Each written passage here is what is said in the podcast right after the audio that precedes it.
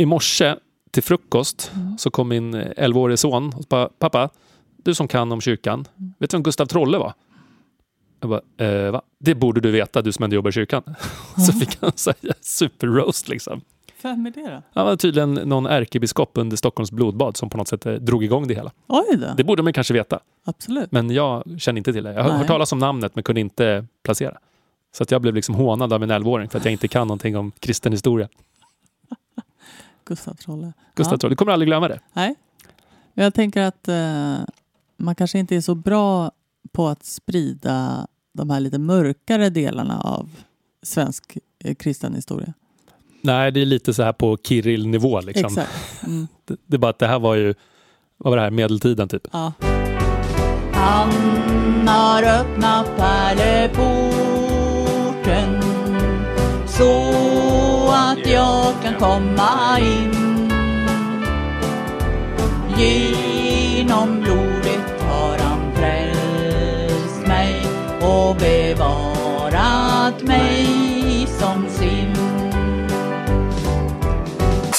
Det här är avsnitt 37 av Pärleporten Podcast. Nadja och Johan sitter framför sina mikrofoner och är lite eh, Ringrostiga. exakt vad jag tänkte säga. Mm. I beat you to it. Yes. Men eh, vi har ju pausat ett tag. Ja, för att vi har haft olika barn. Inte vi, men eh, liksom, Nej, precis. På varsitt håll. ja, just det. Ja, Du har fått ett barn och jag har fått ett till barn. ja. Och så har man varit ledig i samband med det. Eller ledig att ta i. Man har inte varit på jobbet, men man har ju, det har varit, Man har varit på hemmajobbet, ja kan man säga. ammajobbet. Men nu är vi tillbaka här för att eh, återigen eh, ge er lyssnare Pärleporten Podcast en eh, semi-smygkristen podcast. Mm. Vi är inte riktigt överens om vad vi ska titulera den här som, men det är ändå en podcast om kristna aspekter. Exakt. Eh, ja, men det är väl ändå några nyheter som har skett. Jag tänker, det, det är värt att säga ändå att du har skaffat katt. Ja, precis. Folk som har lyssnat på det här tidigare vet ju att du är någon form av liksom Jonas Wahlström-person. Alltså Ja. inte personligheten utan mer har många djur. Ja, Heter han Wahlström? Ja, det heter han va? nej, jag har ingen aning. Ja, men han Skansen-Jonas, Precis. som, eh, där olika ormar rymmer och olika män. Precis, men det var också en man som blev av med sin arm när de hade krokodilfest. Oj! När var det här? Hur kan de ha missat det här? Det här var ju en superstor grej, kanske två, tre år sedan. Det De hade någon slags. AV-middag i terrariet typ. Och så var det någon gubbe som typ blev biten av en krokodil och blev av med armen. Det här var en jättegrej. Jag har missat det helt Ja. Ja, du får googla i efterhand. Eh, men jag ställer också ut katten vill jag bara säga. Mm. Mm. På balkongen. På kattutställning. Det här tar dig också till ett nytt segment i ditt liv känns det som. Absolut. För då har man ju ändå valt att bli den personen. Jag är inte bara mamma, jag är också kattutställare. För, från att du har varit på olika så fiskmässor Ja. där du och liksom, din man har spanat på olika fiskarter, sorter, Ja. till att ni nu liksom ställer ut katten. Det känns ju som att det är ett besynnerligt släkte som ställer ut sina djur. Eh, definitivt. Mm. Mm. Ska vi eh, gå igenom vad vi ska prata om idag? Ja, ska vi börja med Pulkagate? Ja, just det.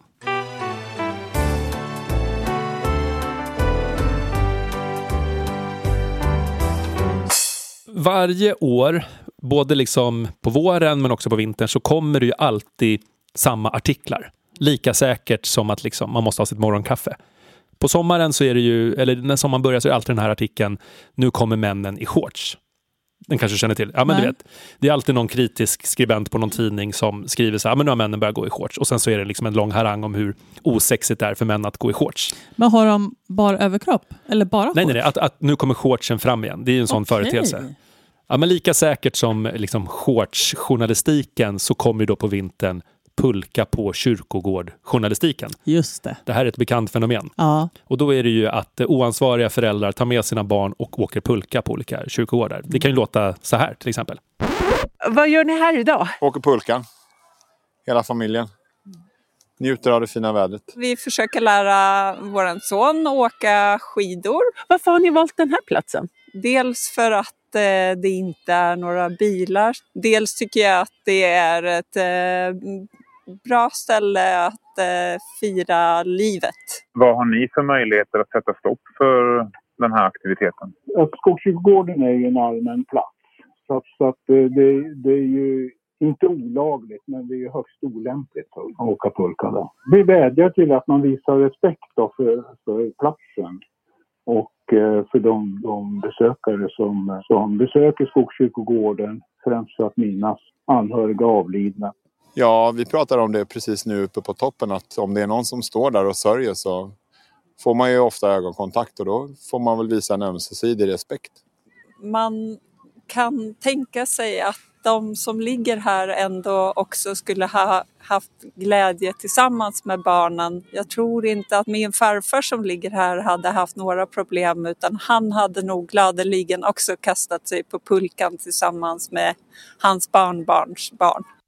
Alltså alltid när det här eh, är ett problem varje år, då är det ju någon person från Skogskyrkogården eller någon eh, kyrkvärd eller någon liksom Förstår du? Mm, det är sällan det är en, en sörjande som eh, har ringt in till SVT och säger att jag eh, sitter här och gråter vid gravstenen och ser en massa pulkor här bakom.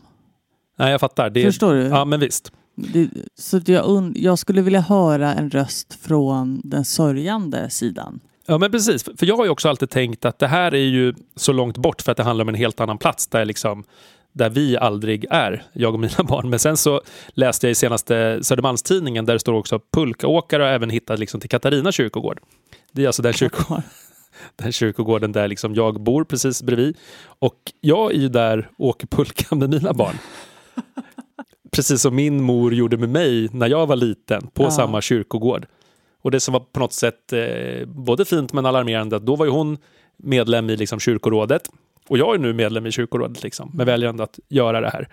Och, och det här kan vi verkligen förstå att det finns olika takes på det hela. Mm. På Skogskyrkogården så är det ju ändå en separat backe som är lite avsides. Men på Katarina till exempel, där jag åker, då är det ju verkligen mitt ibland alltihopa. Mm. Men där är det också att de gravarna som är där är ju liksom jätte, jättegamla.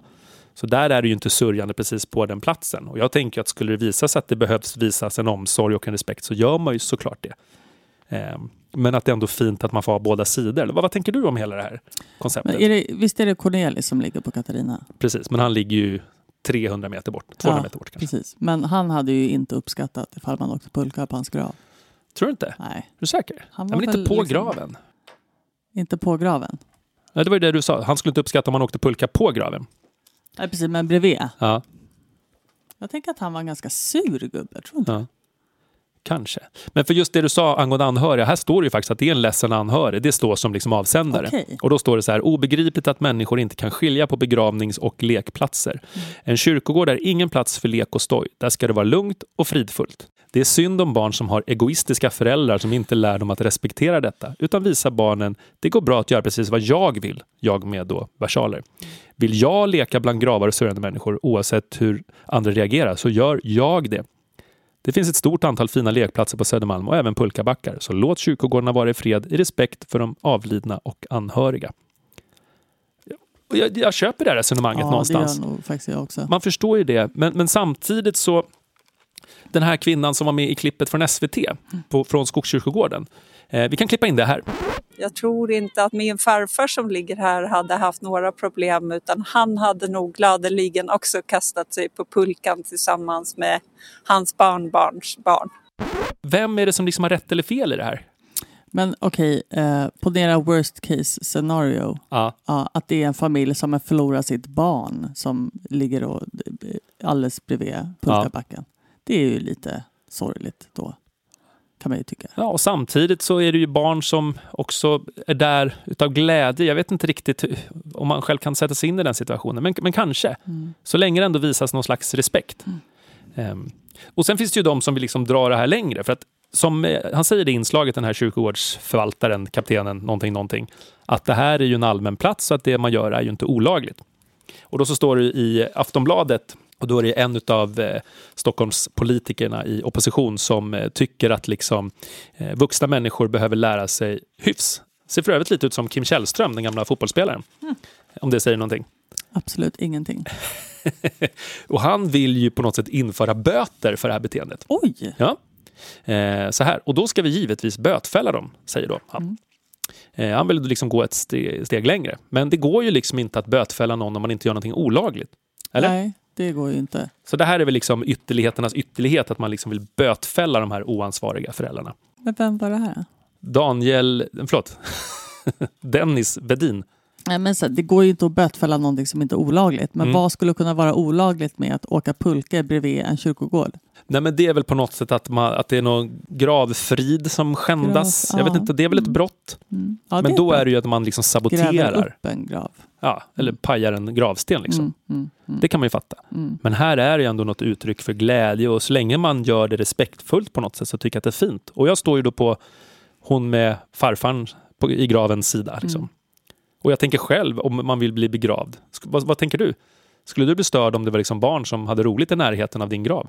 Absolut inte. Det skulle vara jättekul. Nej, men exakt. Men jag, jag tänker också att eh, det här kanske också är ett tecken på att det eh, behövs bättre pulkabackar i Stockholm. Ja, men så är det ju verkligen. Och det var ju någon som sa, eller om jag läste det också, att ja, men det här är en bra plats och det finns inte så många andra bra alternativ. Nej, precis. Då skulle man istället för att liksom försöka bötfälla bort det här, om man tänker så här med, med fildelning, så länge det finns tillgängligt så kommer folk nyttja det. Liksom. Precis som att innan liksom Spotify och alla andra de här liksom delningstjänsterna. Mm. Var det ett bra jämförelse? Ja, ja ganska. Ja, men det, det går inte Eller- att lagstifta bort de här grejerna. Det är väl att dra det extremt. Ja, eh, jag tror att eh, fildelning är ju olagligt. Eller vad menar du? Jo, men, Copyright. Jo, men så länge det finns tillgängligt. Ja, så kommer folk göra det. Ja.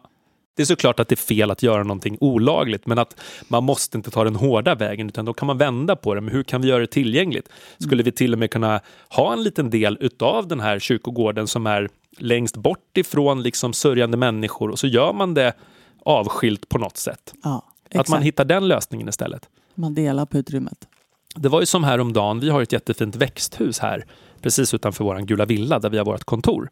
Och så träffade jag en av våra diakoner då, eh, förra veckan som sa att det är så sorgligt för att det är någon som har varit där och saboterat. Jaha, är Det det? hade suttit ett gäng där och ja, men säkert krökat till och så hade de typ kastat någon sten så att en eller flera glasrutor var trasiga. Jaha, det visste jag inte. Men istället då för att vara så här, men vem var det? Vem var det som kastade? Så tänkte vi så här, men då kanske man sätter upp en skylt istället att här får ni jättegärna vara. Nyttja det här rummet men lämna det gärna i det skicket som det var så att Ja. säga.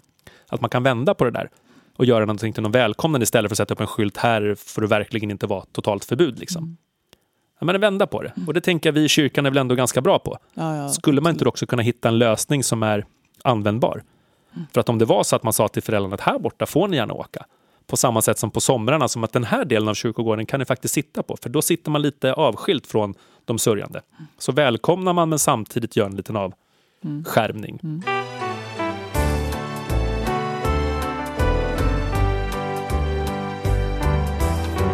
Vår kyrkoherde, Kalle, du vet, Karl, Ja. mm, det är vår chef. Ja. Eh, han skrev en väldigt fin eh, krönika om ett spännande program som heter 30 minuter på SVT. Där Martin Modéus, som då är biskop, är han ärkebiskop? Ärkebiskop. Lord of Lords. Lord of Lords. Så han är alltså högsta hönset i Sverige. Precis. Det är så pass? Ja, precis. Han har inte någon slags påvestatus, men han är Nej. ändå liksom Ja. vårat ledljus, Mm. representant, Mm. crème de la crème.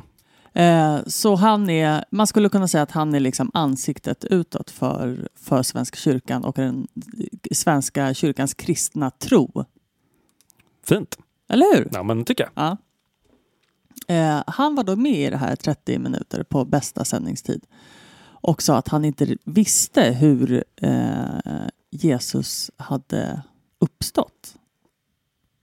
Jag tyckte det var ganska fint att eh, vårt högsta höns eh, inom Svenska kyrkan vågar erkänna att han inte vet hur det gick till. Förstår du vad jag menar? Mm, verkligen. Vi kan lyssna lite på hur det, hur det lät. Jesu upp, uppståndelse. Alltså att Jesus dog på korset och på den tredje dagen så uppstod han från de döda. Tror du på det? Ja, Det gör du. ja, det gör jag. Och hur, eh, hur tänker du att det gick till? Det vet väl inte jag. Nej. Det är ett trons mysterium. Rätt mycket i livet är mysterier. Kärleken är ett mysterium. En solnedgång är ett mysterium. Gud är ett mysterium. Om du tittar på ditt liv så är det fullt av mysterier. Väldigt fint ändå. Jag får lite så här Alf Svensson-vibbar. Ja, Låter han inte lite som Alf Svensson, den gamla KD-politikern? eh, jag, jag tror att jag, det, det var före min eh, politiska engagemang-ålder. Okej, okej, kanske. Vad tänker du om det här? Tycker inte du att det här är liksom lite märkligt och befriande på något sätt? Ja, men också rimligt. Alltså det jag mest reagerar på det är dels att hans, hans mysiga liksom, Alf Svensson-röst Mm. som gör mig lugn och trygg. Men också den här att eh, tror du verkligen på uppståndelse? Ja! Ja, ja, men det är verkligen så övertygande. Mm. Och sen så när han får den andra frågan, "Ja, men hur gick det till? Det vet väl inte jag? Mm. Så väldigt, eh, liksom, Han, ja, han Försvara lite, sig lite försva- sådär. ja. Men eh, samtidigt också rimligt för även om man tror på att Jesus liksom dog och återuppstår så kanske man inte behöver tänka kring det liksom fysiologiska kring det. Hur det om det liksom var någon som gick dit med en hjärtstartare eller så. Det, det är väl inte kanske det väsentliga av historien. Utan det vi tar med oss är väl någonstans livet vann, ditt namn är Jesus. Halleluja. Halleluja. Så att Mm. befriande absolut, det hade ju varit konstigt om han hade kommit med något liksom vetenskapligt förklaring. svar. Mm. Visst är det hela den här intervjun, jag har ju sett hela, Mm. eh, mest på din inrådan. Det var vä- väldigt spännande, men också att det var eh, Agent Scully och Agent Mulder från början till slut. Verkligen. Verkligen. Att han var så hårt liksom pressad och, och liksom ska ställas till svars för så mycket. På ett sätt så känns det Kirsti orimligt.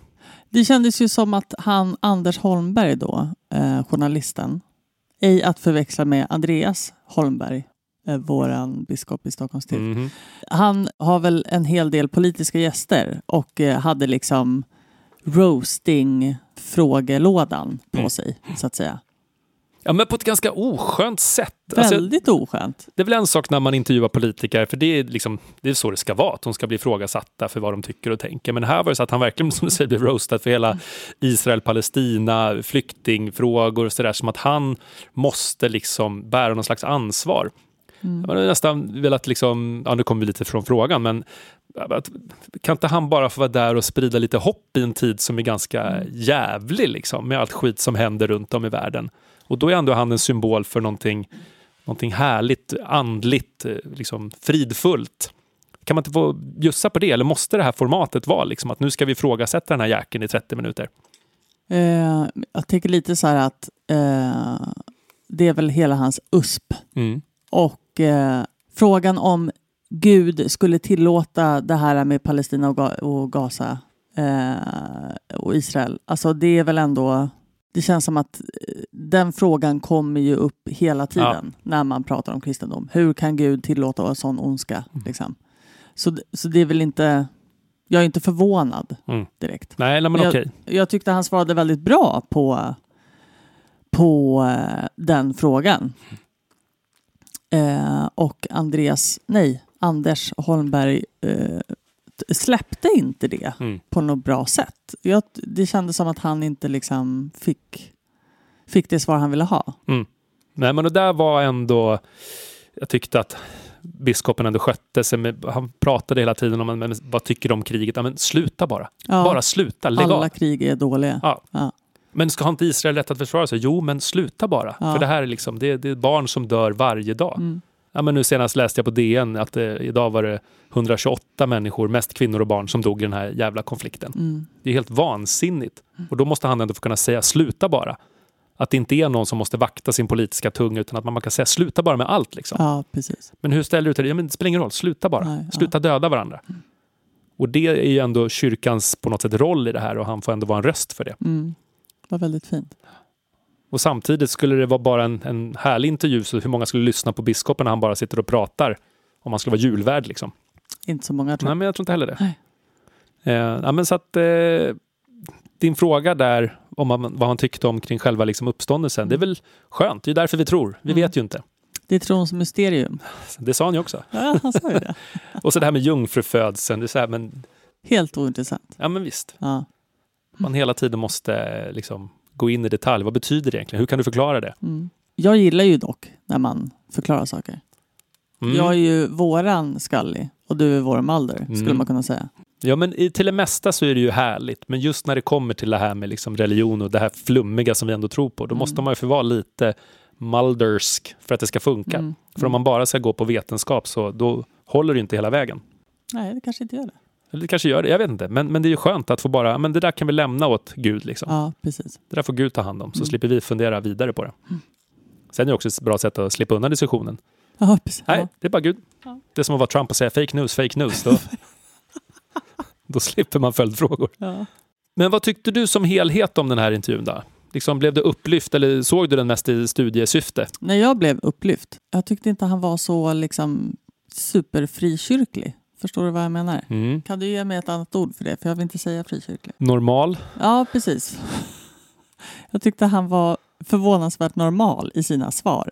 Normalt när man eh, intervjuar en präst eller någon av, av tro så brukar det liksom bli väldigt flummigt och väldigt pinsamt för hela Svenska kyrkan. Det blir någon slags ytterlighet man intervjuar för att gärna förstärka den liksom Precis. fabricerade bilden av att så här är man i Svenska kyrkan. Ja, exakt. Och det är lovsång och tala i tungor. Typ. Vi kommer komma till det lite senare i podden, men det är bra att du kommer in på det redan här och nu. Ja, Mm. precis.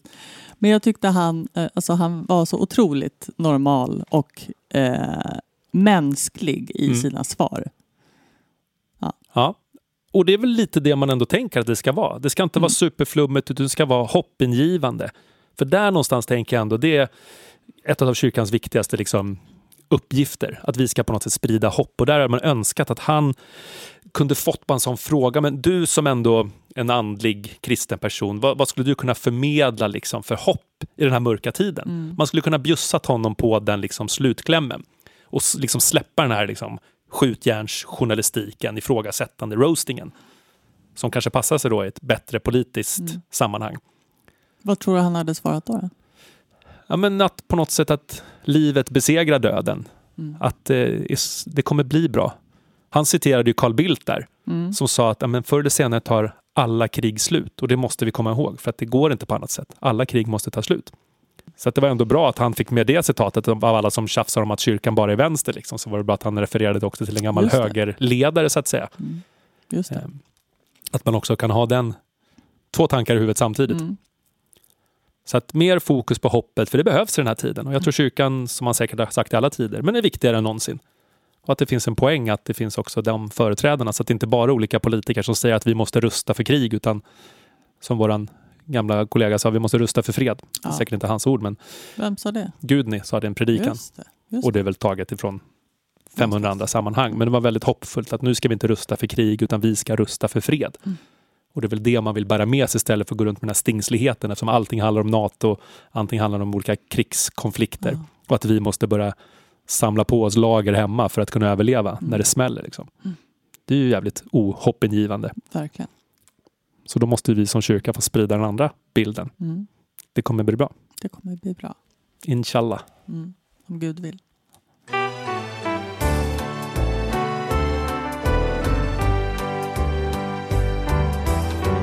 Nadja, Ja. nu ska du tänka ut ett scenario. Mm. Tänk dig eh, Svenska kyrkan och så tänker du en präst och en präst som nu är känd för att han rappar. Mm. Tänker du att det här liksom, det kommer bli härligt att lyssna på eller tänker du att det kommer bli lite jobbigt, lite cringe? Bara, vilken är första bilden som kommer, kommer till dig? Det är fruktansvärt. Är det så? Ja, det är hemskt. Du har inte liksom hoppet om att det här kan bli hur bra som helst? Det är nämligen så att, ja det kanske är lite, lite efter nu, men det spelar ingen roll. Innan jul någonstans så blev det ju känt att eh, den Jesus-rappande prästen är här. Och då är det prästen Magnus Boäng, Mm. eller Boäng kanske, nej Boäng kallar man honom, Boäng. från Ljusdal, som rappar om bibelberättelser. Från Ljusdal också. Ja, och på sociala medier har en speciell rap blivit populär. Så det här har då alltså blivit viralt. Så vi, vi lyssnar lite på det här så får du själv liksom känna om det här är bra eller om det är cringe. Nu vet vi vad det handlar om och vad som faktiskt hänt. Som gör att vi kan fira nu och kalla det advent. Advent är mörker och kyla. Tänker du att det här ska dra mer besökare till kyrkan? Man drömmer om Alltså min erfarenhet är ju att det är svårt att komma över tröskeln just i kyrkan, men vem vet, kanske. Och det är det här videoklippet som fått spridning på församlingens Facebook-sida. Och gör din entré i Jerusalem. Han ville på ett sätt sätta sprätt på deras tankar om en ett från kung David är väl fett. Det är jätteroligt och mycket på grund av eh, musikern Lo Bringeland. Hon hjälpte mig att få till en snygg video på det hela. Det är kul när någonting blir lite, tar fart lite och blir lite viralt. Jesus han reder, men kommer folk att fatta? Ska vi traska med där? Ska vi lägga röda matta? Lärjungarna var nervösa. Hur skulle de detta lösa? Men alldeles av sig själva så börjar folk att ropa och ett sällsamt glädjerus de hade fått en skopa. De ropade Hosianna och sjöng en massa psalmer. De viftade med grenar, ja till och med med palmer. Jesus hade lyckats, han förde allt i hamn. Tycker du att man kan rappa om allt i Bibeln? Jag har fått frågan om man inte skulle kunna göra något vid påsk också och då blir det lite värre tycker jag. För då blir det liksom, jaha, död och sånt där. Så att, ja, det ska vara lite på en skämtsam nivå. Sånt som passar och ha lite så här, lite lättsamt. Då går det bra. Förbarma dig Gud över jorden, all nöd, all förtvivlan du ser. Så Nadja, där har du fått uppleva den rappande prästen. Jag kommer, all, kommer aldrig få tillbaka de minuterna i mitt liv. Men, men berätta, hur hur är din upplevelse av det här? Jag vet inte var jag ska börja ens. Det är många tankar. Den första är, eh, hur kommer det sig att det är just präster som ska göra något sånt här eh, hemskt pinsamt? Ja, okej. Så, så det är ändå din sammanfattning, att det var hemskt pinsamt? Ja. Mm. Mm. För att Vad har du för känslor i din kropp? Ja, men jag måste nog på något sätt säga att jag är tudelad. För å ena sidan så blir jag jag tillhör ju den skolan som blir glad när kyrkan vågar göra någonting annat. Mm. Eh, Men det här blir ju så att om man ska tänka sig så här. Tänk dig en präst som rappar i Svenska kyrkan och de första sinnebilderna man fram är ju exakt det här. Exakt Att det är en gubbe som ser ut som den här gubben gör. Som tror att han rappar. Jag hade blivit så jäkla glad om det var någon som faktiskt gick in och ägde skiten. Alltså du vet någon som men kanske har jobbat med musik och som är liksom typ gammal rappare och gör det här på ett sätt som att det inte blir cringe. För det här är ju, alltså jag vet inte om cringe räcker som ord. Nej, Alltså, nej. det, det kryper liksom i kroppen. Jag försökte visa det här för min fru i morse hon bara, alltså stäng av direkt, jag, jag fixar inte. Hon fick liksom panik. Och det som har delats och det som har gjort att det här är viralt är ju tyvärr, tror inte jag, på ett positivt sätt. Nej. Jag har ju sett, det är ju massa liksom så här arga youtubers som har liksom kommenterat det här och gjort en grej kring det. Men det är sådana som har varit arga redan från början i Men kyrkan. vad har de varit arga över? Ja, men att, hur, hur kan man göra något så här genant? Liksom? Ja, okej. Ja, det är väl det, att man, man ska vara glad och he, liksom hedra de som försöker göra någonting nytt och Mm. bra. Men då kan man ju också tänka sig att det är inte fel om det får innehålla lite kvalitet. Nej. Eller? Nej, absolut inte. För att om man liksom tänker att han är säkert en jättehärlig person, men, men rappen är ju det är bedrövligt. Men det, man kan ju inte ens kalla det för rap. Det är väl ändå en liksom... Det är väl ändå att pissa på en ganska lång kultur av, av bra musik. Ja, okej. okej. Ja. Jo, men fast ba- bara för att det är dålig rap behöver inte betyda att det inte är rap. Så kan man ju inte säga. Man kan ju inte ens säga att det är spoken word på något sätt. Jag blev ändå munter utav det här, det man också hör i klippen. Eller vi kan lyssna lite extra på det här. Jesus och hans gäng var på väg en liten sväng Inte hem klockan fem, nej lägg på nu en rem Och gör din entré i Jerusalem Han ville på ett sätt sätta sprätt på deras tankar om en ett Från kung David är väl fett Det är också så att produktionen är ju superdaterad. Det här låter ju som liksom 90-talsserien Fresh Prince of Bel-Air, den signaturmelodin. Kommer du ihåg den? Ja, ja, ja. Så att det är också att man gör det här som att det här klippet var från 1993. Mm. Då hade jag på något sätt haft större förståelse för det här. Men nu är det liksom 30 år senare än vad det kanske egentligen borde varit. Och det är muntert att man försöker hitta nya vägar, rappa om julevangeliet. Och sen säger han också senare att han får frågan då, kan man rappa om vad som helst? Ja, vi kan, det var någon som sa, ska du inte rappa om påsken? Nej, men det är kanske lite för allvarligt. Det ska vara lite mer lättsamt så att vi kan rappa om Jesu födelse, olika vise män, men att rappa om liksom vandringen i Jerusalem, där, där får vi ändå dra någon slags gräns. Man, men man vill ju å ena sidan att folk ska få se det här och samtidigt så tänker jag att hur reagerar folk som redan nu har kanske en skeptisk bild till Svenska kyrkan? Att, att vi ska inte, jag tycker inte vi ska sprida det här klippet. Nej. Vi kanske gör oss själva en björntjänst bara genom att prata om det här, men vi, vi måste ändå prata vi om måste det. Prata om det. Men, det. Men det jag kan känna är så här. Eh, det finns ju otroligt mycket musikaliska människor inom eh, Svenska kyrkan och inom eh, religion. Det är inte många som rappar om Bibeln. Och det kanske finns en anledning till det. Att det är en dålig idé från Mm. början. Eh, så att, att någon som inte kan rappa försöker göra det, det blir ju liksom inte bra. Ja, men där har du verkligen en poäng. Och det är ju hela grejen med det här blir att vi lite gör oss själva, men du vet aporna på Skansen. Mm. Alltså, här har vi en präst som gör någonting helt galet. Titta på prästen, liksom, Ja. som annars symboliserar den här rollen i Svenska kyrkan. Och jag kan tänka mig att också många andra präster tycker att det här, men vad fan. Mm. Så. Man blir glad, A for effort liksom. Ja, kunde han gjort något annat roligt eller? Ja, men tagit fram en flanellograf och visat liksom bibliska berättelser med olika skumgummifigurer. Hade det gått viralt? Ja, det är ju, eh, då blir det lite Jesus-tanten-varning kanske. Mm. Så att de virala klippen är ofta de som har blivit lite cringiga. Mm. Ja, men jag, jag håller verkligen med dig där. Att man sätter ju inte liksom, en person som inte kan spela orgel som ska spela orgel en söndag klockan 11. Nej. För att det är lite roligt. Ja, men här sitter en, en diakon och spelar orgel. Det kan ju vara kul, men det kan ju inte vara kul om det låter skit i kyrkan. Liksom. Nej, nej. Så här precis. sätter vi då, vi tar prästen som tycker att det är kul att rappa men som kanske inte riktigt behärskar det. Mm. Men så att någon slags följdfråga blir på något sätt också att man säger ju att du som är kommunikatör, Mm. att all reklam är bra reklam. Är det bra att man får virala klipp som är liksom super cringe? Ehm, oj, vilken svår fråga. Ja, jag vet. Alltså jag tänker så här, om det är det enda som syns om kyrkan, då kanske det är bra. För att folk ser att eh, kyrkan finns Mm. överhuvudtaget, även om det är cringeigt och dåligt. Mm. Eh, och sen, det är ju inte som att han gör någon illa i sin... alltså förutom, du vet. Förutom att vi inte kommer kunna sova efter det här. Exakt. Men det är ju inte som att han snackar skit om... Jag vet inte. Ja, men han gör sitt bästa. Exakt. Ja, okej. han, han, han, han gör ingen illa. Nej. Han, han, det är inte meningen i alla fall. Eh, men jag menar, det finns ju bättre sätt att nå ut på. Eller? Ja, det men- kanske inte gör det idag, i dagens mediebrus. Man kanske behöver ha en, någon slags pinsamhetsfaktor för att slå igenom. Kanske. Men det är väl också det att det blir precis den här liksom pastischen av hela liksom Svenska kyrkan för de som redan nu är skeptiska och tycker det vi gör redan nu är kanske lite knasigt. Mm. Och så får man se den här och så tänker man, ja, vad fasen, jag visste det. Liksom. Det Ja, här bara bekräftar det jag känt hela tiden. Ja, att kyrkan inte är en plats för mig. Nej, men för han sa ju det, men det här är ett bra sätt att få ner trösklarna. Och, och, Nej. och det vore också intressant att veta, har det kommit flera liksom, till kyrkan för att lyssna på den här rappen? För att nu, nu händer det. Ja. I så fall så är jag den första att be om ursäkt för liksom, hela min rant kring det här. Ja, samma här. Jag har svårt att tänka mig att folk... Eller? Det hade ju varit roligare. Okej, får jag bara ge ett förslag till den här prästen? kör.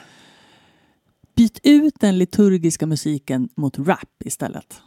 Det hade ju varit roligt. Ja, men då, då snackar vi att man gjorde en hiphopmässa. Ja, men, då, kanske. men då är det frågan om, är det Magnus Boeng som ska göra det eller ska man ta in någon som faktiskt behärskar rimkonsten så att säga? Eh, ja, det är en bra fråga. Återigen, man, man kanske inte tar dit en musiker och spelar piano som inte kan spela piano. Nej, det är sant.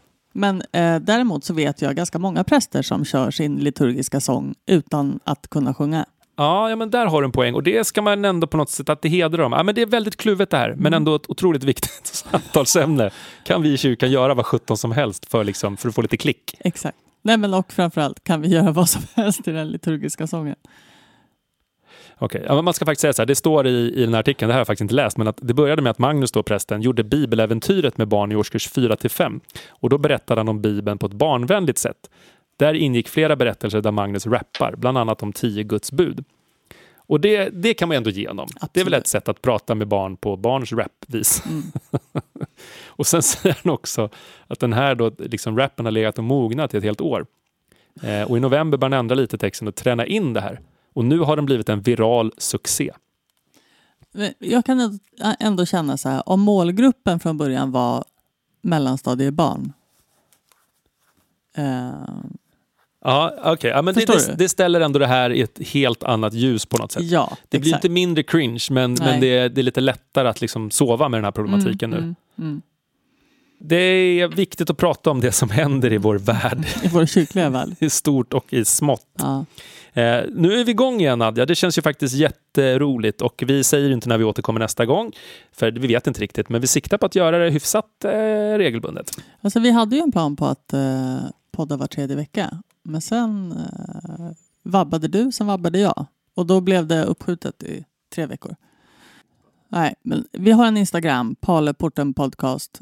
Där får ni jättegärna höra av er och skriva ett DM till mig då. I och med att Johan vägrar Instagram så är det jag som sitter bakom. det. Vi försöker göra om det här hyfsat snart igen och eh, fram tills dess så ha det gött. Du med, hej då. Hej hej. Jesus och hans gäng var på väg en liten sväng. Inte hem klockan fem, nej lägg på nu en rem. Och gör din entré i Jerusalem. Han ville på ett sätt sätta sprätt på deras tankar om en ett Från kung David är väl fett Om alla nu förstod det, att Jesus han är rätt. Att bli kung här idag, fast av ett annat slag. Men han måste välja sida, på någonstans ska han rida. För det har profeten sagt, en maktlös får han makt Och lärjungarna lyssnade, svårt att fatta detta gjorde vad de kunde, de gjorde nog det rätta. De säger Susanne är kungen, det är han som är den riktiga. Så låt oss hämta åsnan, det är den som är det viktiga. Ja,